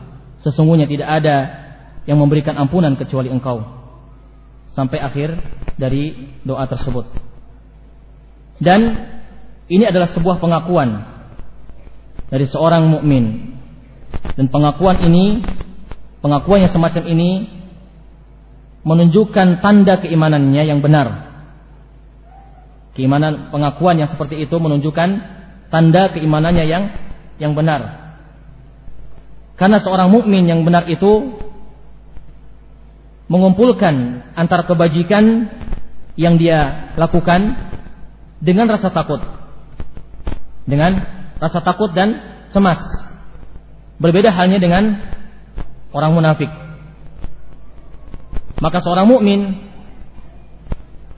di satu sisi dia beramal dengan keras berupaya mengerjakan amal-amal soleh, tapi di sisi yang lain dia harus dia dia merasa takut dan khawatir kalau-kalau amalnya itu tidak diterima. Sebagaimana Allah Subhanahu wa taala telah menjelaskan keadaan orang-orang yang beriman itu dengan mengatakan dalam firman yang artinya dan orang-orang yang telah dikaruniakan oleh Allah Subhanahu wa taala dengan apa yang mereka dapatkan. Maksudnya di situ dari karunia berupa taufik amal-amal dan ketaatan sementara hati mereka dalam keadaan takut. Sementara hati mereka dalam keadaan takut. Maka kita lihat di situ para sahabat radhiyallahu taala anhum yang merupakan generasi awal dari umat ini yang dikenal dengan kesempurnaan ubudiyah mereka kepada Allah tabaraka taala namun bersama dengan itu mereka tetap takut dan cemas di hadapan Allah Subhanahu wa taala. Dan ini tentunya tidak bertetangga sama sekali dengan apa yang Allah Subhanahu wa taala katakan. Artinya justru itu adalah menegaskan apa yang Allah Subhanahu wa taala telah katakan. Maka janganlah kalian mensucikan diri kalian sendiri. Karena sesungguhnya Allah Subhanahu wa taala lebih tahu siapa yang bertakwa kepadanya. Maka sejauh apa pun seorang mumin itu diberikan topik oleh Allah Subhanahu wa taala untuk mengerjakan amal-amal saleh dan ketaatan-ketaatan, dia tidak boleh mentazkiyah dirinya sendiri ataupun mensucikan dirinya sendiri. Tetapi dia tetap harus beramal, melakukan kebajikan-kebajikan, namun dia pun harus diiringi dengan rasa takutnya. Jangan-jangan amalnya itu tidak diterima oleh Allah Subhanahu wa taala. Demikianlah keadaan seorang mukmin yang benar dalam keimanannya.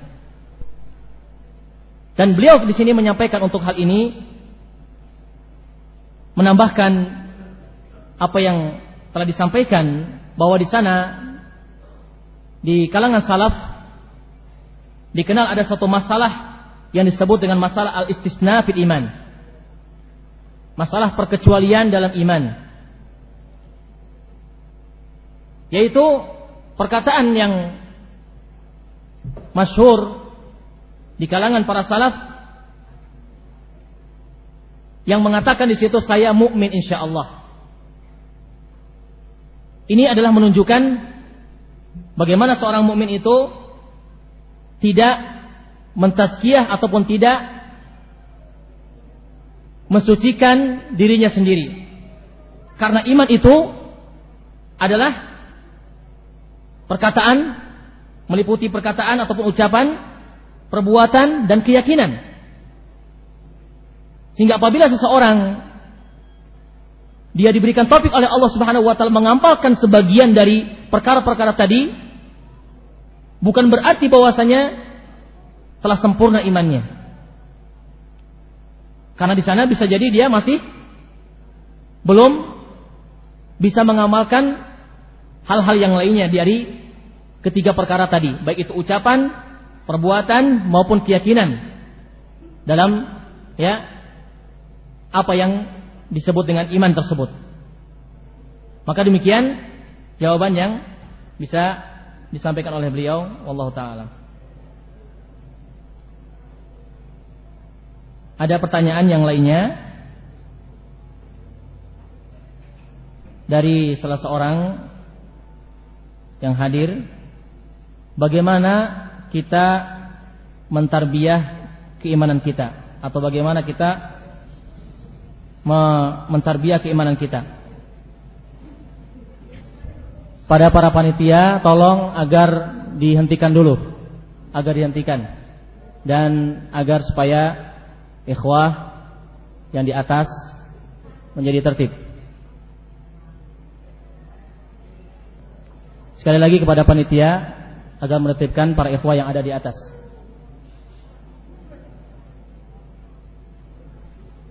Uh, السؤال فضيلة الشيخ كيف نربي إيماننا أفيدونا جزاكم الله خيرا السؤال مكتوب بالعربي ولا بال Jadi soal pada Syekh kaifa nurabbi imanana afiduni afiduni jazakumullah khaira Wa barakallahu fikum. Jadi pertanyaannya di situ adalah bagaimana kita atau kami mentarbiah keimanan kami.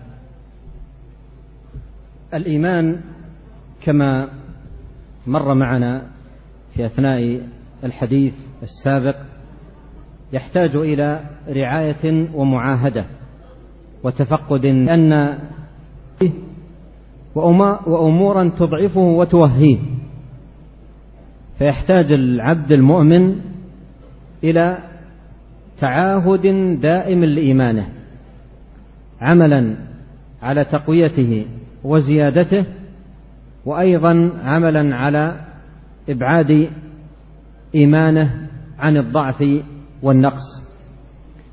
أما جانب تقوية الإيمان فيحتاج في هذا المقام إلى كثرة الدعاء والالتجاء إلى الله والعناية بالقرآن الكريم فإنه من أعظم ما يكون في زيادة الإيمان وتقويته العناية بالقرآن قراءة وفهما وعملا.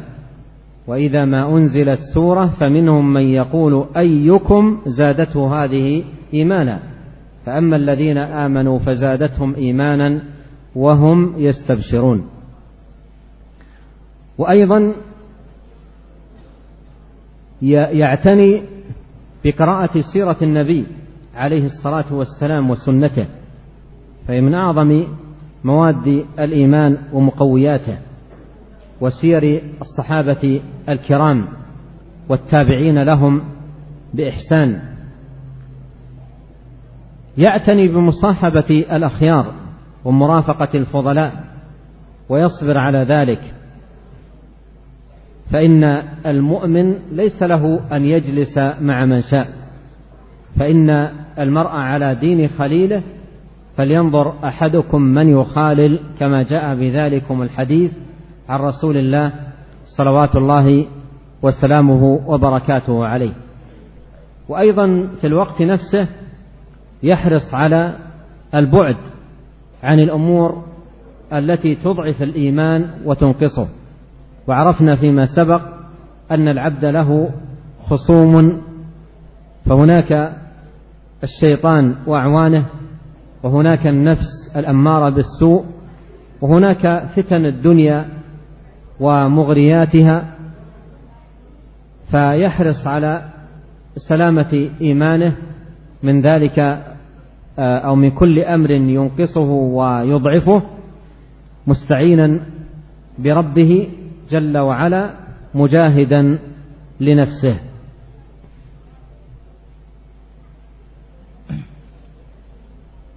Untuk menjawab pertanyaan yang telah disampaikan, beliau mengatakan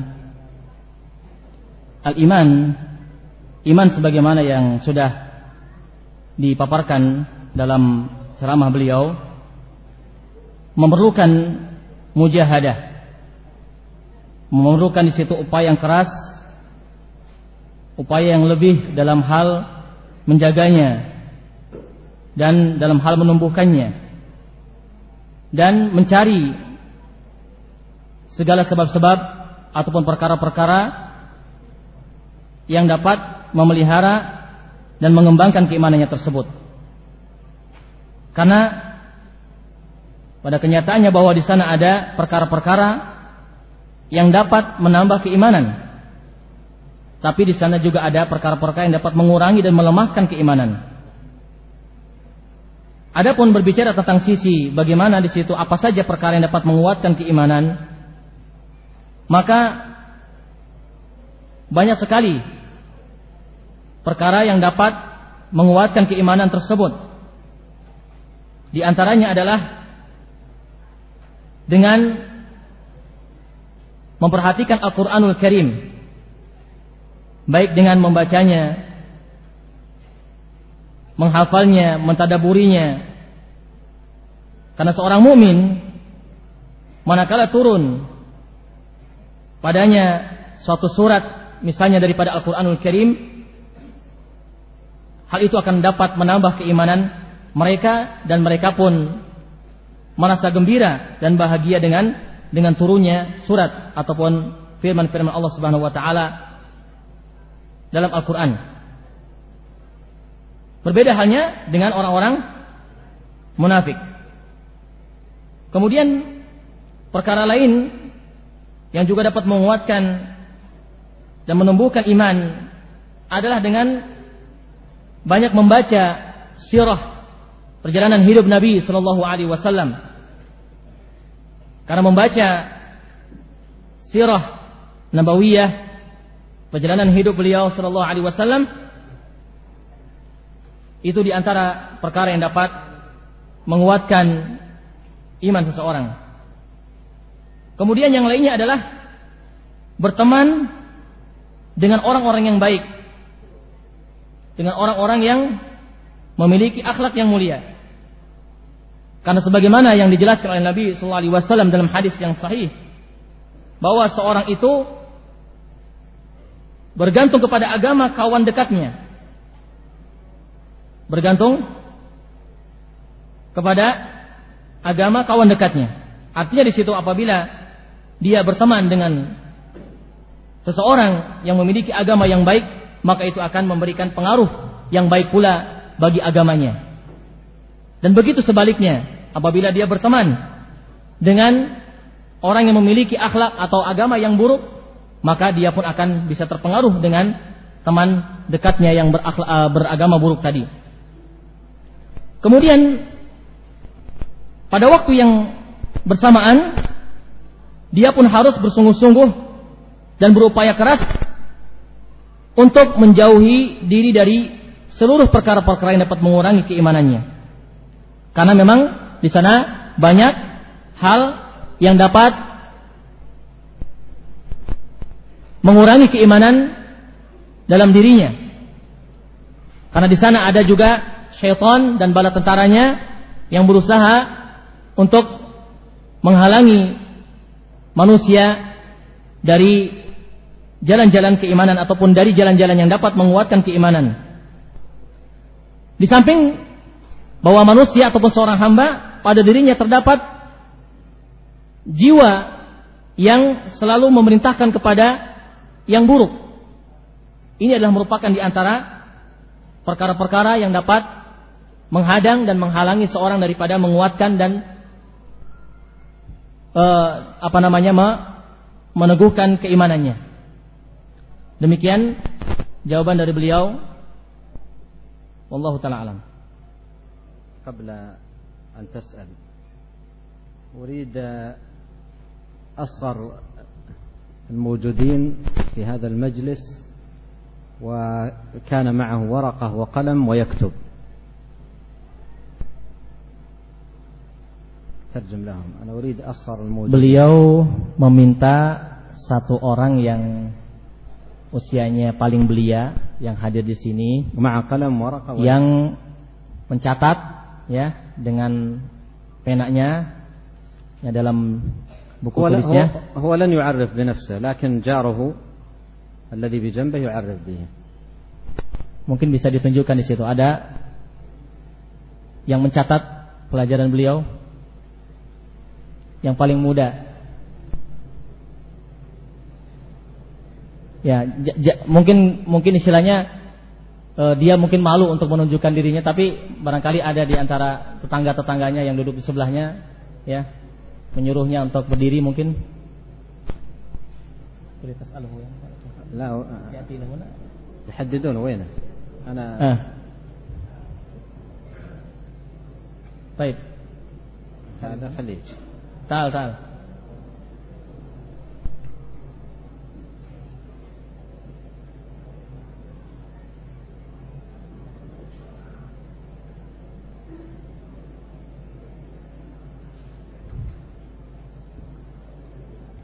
عند الشيخ عند الشيخ هناك هناك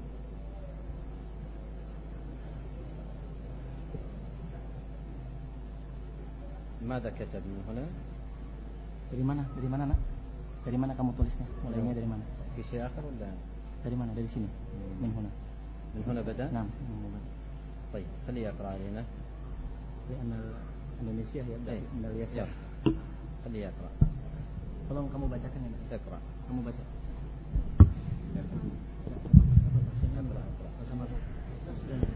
اقرأ اقرأ تعلم Kamu خليه baca يتعلم apa yang kamu kamu yang, yang kamu tulis.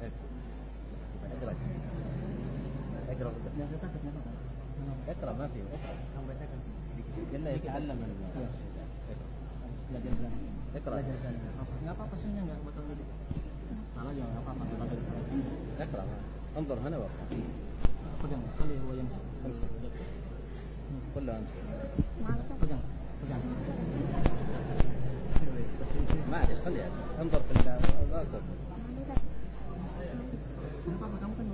هنا وقت.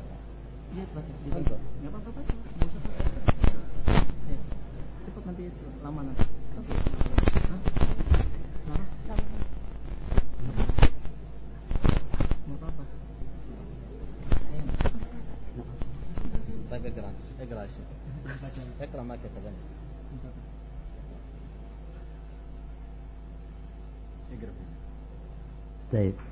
Iman merupakan salah satu yang paling penting bagi hamba untuk mencapai kebahagiaan di dunia dan akhirat. Dia merupakan pemberian dari Allah dan anugerah yang diberikan kepada hambanya. Firman Allah yang artinya, kalaulah bukan karunia dan rahmat yang Allah berikan kepada kalian, tidak akan ada seorang pun dari kalian yang akan bersih atau suci dari kemaksiatan. Bukanlah angan-angan berlaka, tetapi iman adalah perkataan dan perbuatan. Perbuatan di sini adalah hati dengan anggota badan.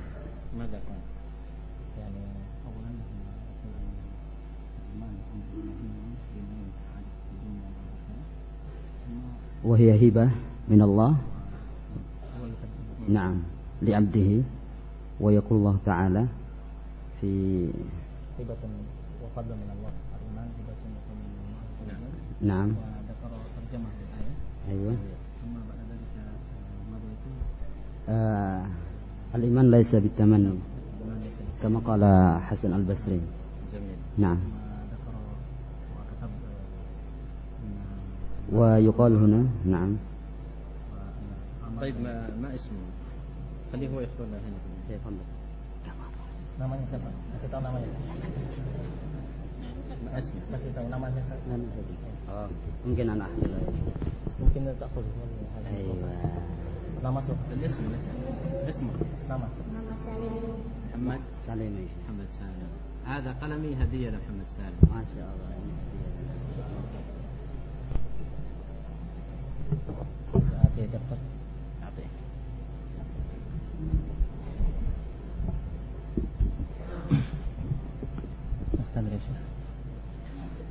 Uh, kemudian ada pertanyaan yang lainnya. Sa'ilun yaqul hal yajuzul istidlal bi salati Bilal aqiba kulla wudu'ihi ala jawazil ibtida' fid din. Hal yajuzu al istidlal bi salati Bilal aqiba kulli wudu'ihi ala jawazil ibtida'i fid din. Ilman bi annana شرحنا للمدعوين تحريم الابتداع في الدين إلا أنهم يردوننا بجواز الابتداع في الدين مستدلين إقرار الرسول صلى الله عليه وسلم على صلاة بلال عقب كل وضوئه Nah. Saya terjemahkan soalnya. Pertanyaannya adalah apakah boleh berdalil dengan perbuatan Bilal yaitu salat sehabis setiap kali beliau e, habis wudhu untuk menunjukkan kebolehan melakukan kebid'ahan di dalam agama.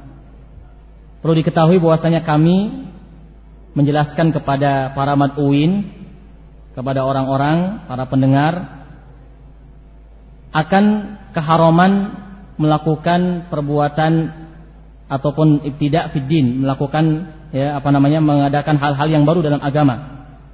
Akan tetapi mereka para matuin tersebut membantah kami dan mengatakan kebolehan melakukan kebidahan dalam agama itu dengan berdalil persetujuan Rasulullah Alaihi Wasallam atas perbuatan Bilal yaitu salat setiap kali habis wudhu.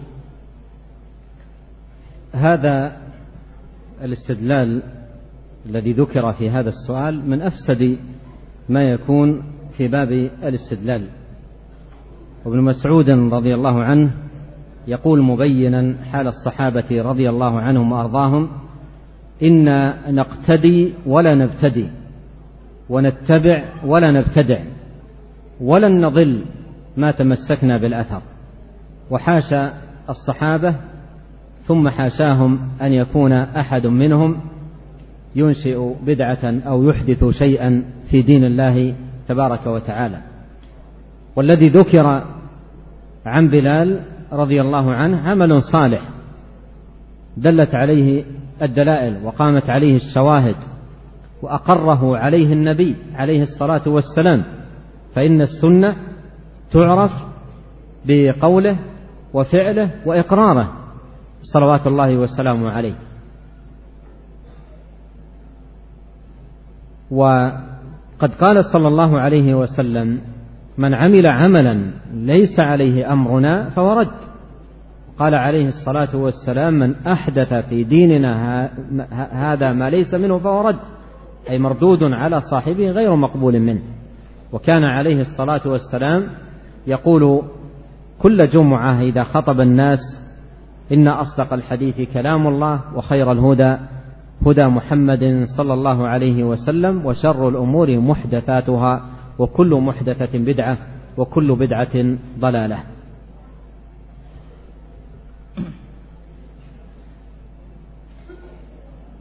bercara berdalil sebagaimana yang telah disebutkan adalah merupakan di antara cara-cara yang paling buruk di dalam berdalil dalam bab bagaimana berdalil karena Ibnu Mas'ud radhiyallahu taala anhu telah menjelaskan keadaan para sahabat radhiyallahu taala anhum yang mana mereka mengatakan bahwa kami hanya mengikuti.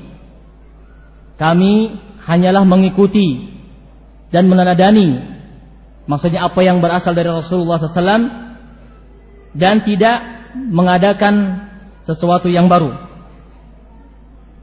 Adapun apa yang disebutkan dalam kisah tadi Bilal itu sebenarnya adalah merupakan di antara masalah ataupun perkara-perkara yang baik yang kemudian ditetapkan sebagai suatu sunnah. Karena sunnah itu mencakupi perkataan beliau Shallallahu Alaihi Wasallam, perbuatan-perbuatannya dan persetujuan-persetujuan beliau. Sehingga apa yang sudah disetujui oleh Nabi Sallam itu menjadi suatu sunnah. Lagi pula di situ bahwa Nabi Shallallahu Alaihi Wasallam telah mengatakan bahwa barang siapa jadi setelah masa sepeninggalnya Nabi Shallallahu Alaihi Wasallam dan sudah tidak ada lagi di sana ikrar ataupun persetujuan-persetujuan beliau maka dari situlah kemudian tidak boleh lagi seseorang mengadakan sesuatu yang baru dalam agama. Oleh karena itu Nabi Shallallahu Alaihi Wasallam telah mengatakan Barang siapa yang mengerjakan satu amalan yang tidak memiliki atau yang tidak berdasar kepada agama kami, maka dia itu tertolak. Dalam riwayat yang lainnya di situ, barang siapa yang mengadakan sesuatu yang baru dalam agama kami, maka perkara itu tertolak.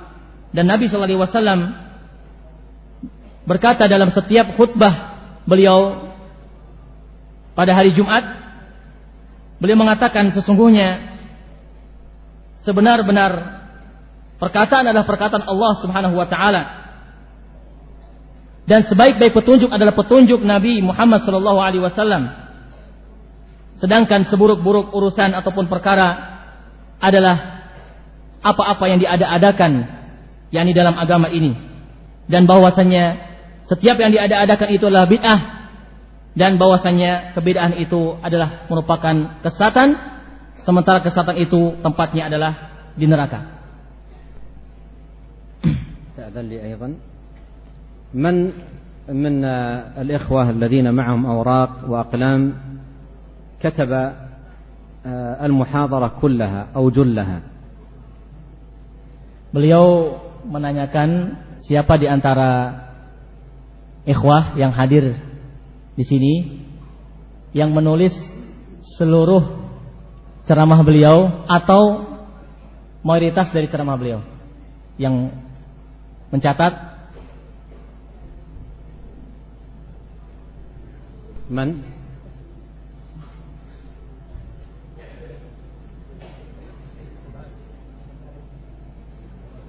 في أحد غيره في أحد أيضا بالأندونيسي كل المحاضرة ولا semua ها؟ mayoritas يعني من أيضا Ada, ada. في أحد غيرهم كتب Ada yang lainnya selain berdua ini? ها؟ Al, Angel. هذا بالعربي بالعربية.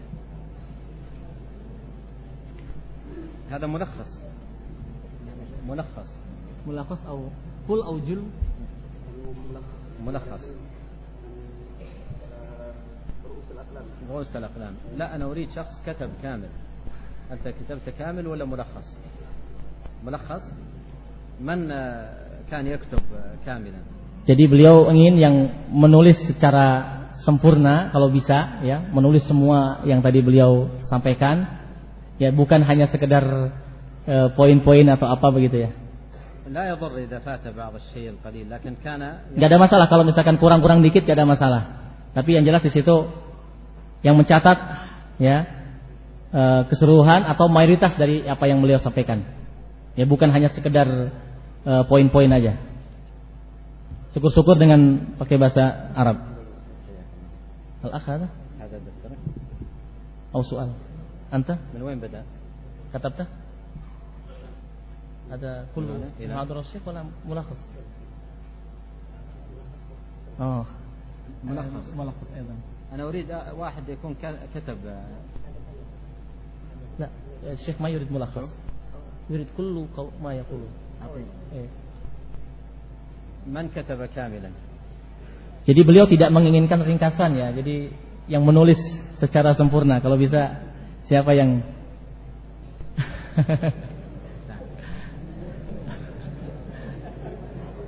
Bukan hanya poin-poin ataupun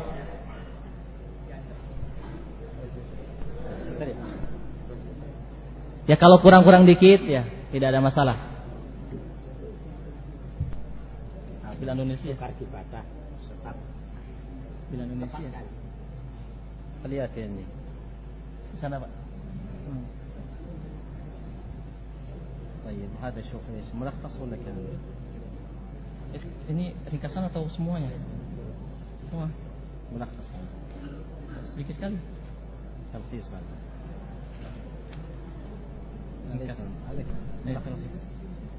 ada yang lain.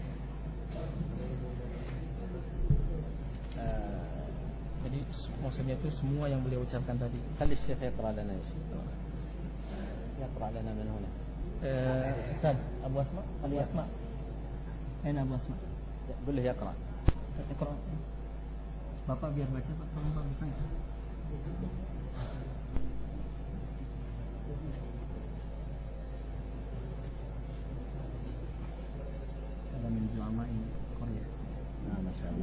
الله انت مقدر Nah.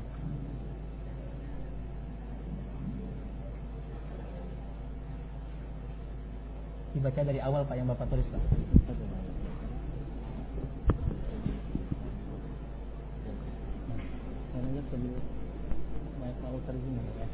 Assalamualaikum warahmatullahi wabarakatuh.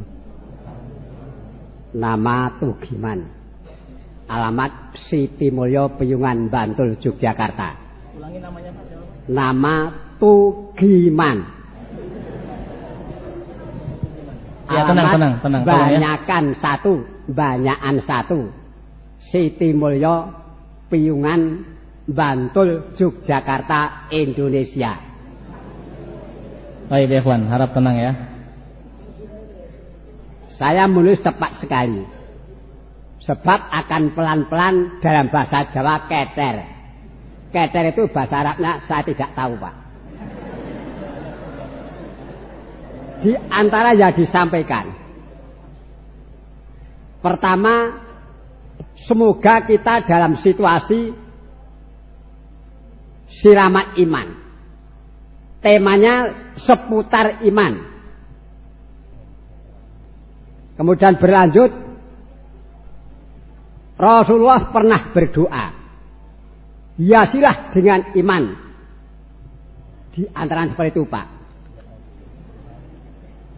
Kemudian lagi Beliau Syekh menjelaskan di antara adalah fitnah subhat. Fitnah syahwat.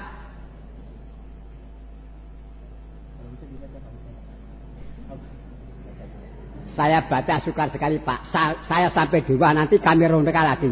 Jadi saya nanti sampai di rumah seakan-akan saya belajar kepada saya. Tapi di rumah. Merenungkan yang saya tulis ini. Di antaranya lagi. Dalam keadaan kita senang bersyukur. Susah sabar.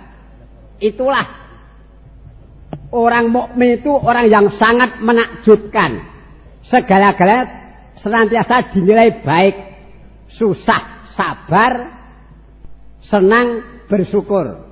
Senang, syukur, susah, sabar. Maka itulah yang dinilai bahwa umat Islam atau orang mukmin itu senantiasa dalam keadaan baik.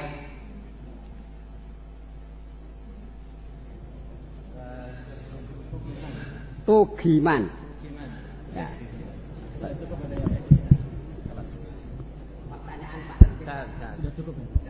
ابتعد الشيخ أنا سأهديه ساعتي. تعال تعال. سأعطيك ساعتي هدية.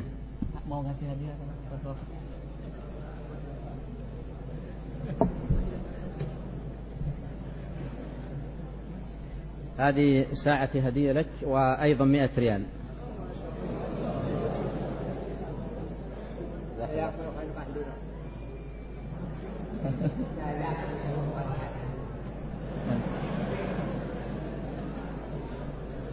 Beliau menulis dengan cepat sampai-sampai tidak bisa baca tulisannya sendiri.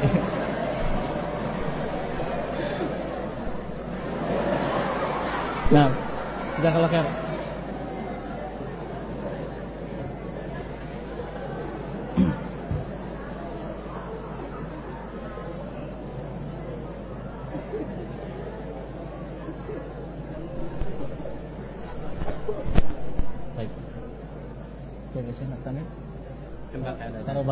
خمس دقائق تقريبا. خمس دقائق نعم. أيها الإخوة الكرام كم أنا سعيد باللقاء بكم والجلوس معكم. أسأل الله عز وجل أن يثيبكم فإني أعلم أن عددا من الإخوة قد جاءوا من أمكنة بعيدة وتكلفوا الحضور إلى هذا المكان فأسأل الله عز وجل أن يثيبكم جميعا وأن يجزيكم خير الجزاء وأن يتقبل منا ومنكم صالح الأعمال وأن يغفر لنا ولوالدينا وللمسلمين والمسلمات والمؤمنين والمؤمنات الأحياء منهم والأموات إنه تبارك وتعالى غفور رحيم جواد كريم وصلى الله وسلم على نبينا محمد وآله وصحبه أجمعين Di akhir uh, pertemuan kita bersama beliau, beliau menyampaikan betapa saya sangat bahagia bisa bertatap muka dengan para hadirin semuanya dan duduk bersama-sama di tempat yang mulia ini dan beliau berdoa Semoga Allah Subhanahu wa taala memberikan kepada kita taufiknya. Dan beliau mengetahui bahwasannya banyak atau tidak sedikit dari para ikhwah yang hadir datang dari berbagai tempat yang jauh dan sudah menyisihkan waktunya, tenaganya dan mungkin hartanya untuk bisa sampai ke tempat ini. Maka beliau sangat berterima kasih sekali atas segala perhatian yang telah diberikan. Dan beliau berdoa semoga Allah Subhanahu wa taala mengampuni kita semua dan kedua orang tua kita. Dan akhirnya di situ juga uh, bagi kaum muslimin seluruhnya. Dan uh, kami mohon maaf karena banyaknya pertanyaan-pertanyaan yang tidak bisa disampaikan pada kesempatan pertemuan kali ini Mudah-mudahan uh, niat baik antum untuk uh, mengetahui penjelasan beliau dari pertanyaan-pertanyaan antum yang sudah disodorkan ini Allah Subhanahu wa taala membalasnya dengan kebaikan dan menjadikan itu sebagai pemberat timbangan amal-amal antum semuanya dan akhirnya kita beliau menutup perjumpaan pada kesempatan yang berbahagia ini. وعلى آله وصحبه وسلم والحمد لله رب العالمين. السلام عليكم ورحمة الله وبركاته. هذا الشيخ هذا الشيخ ما اسمه؟ siapa namanya Pak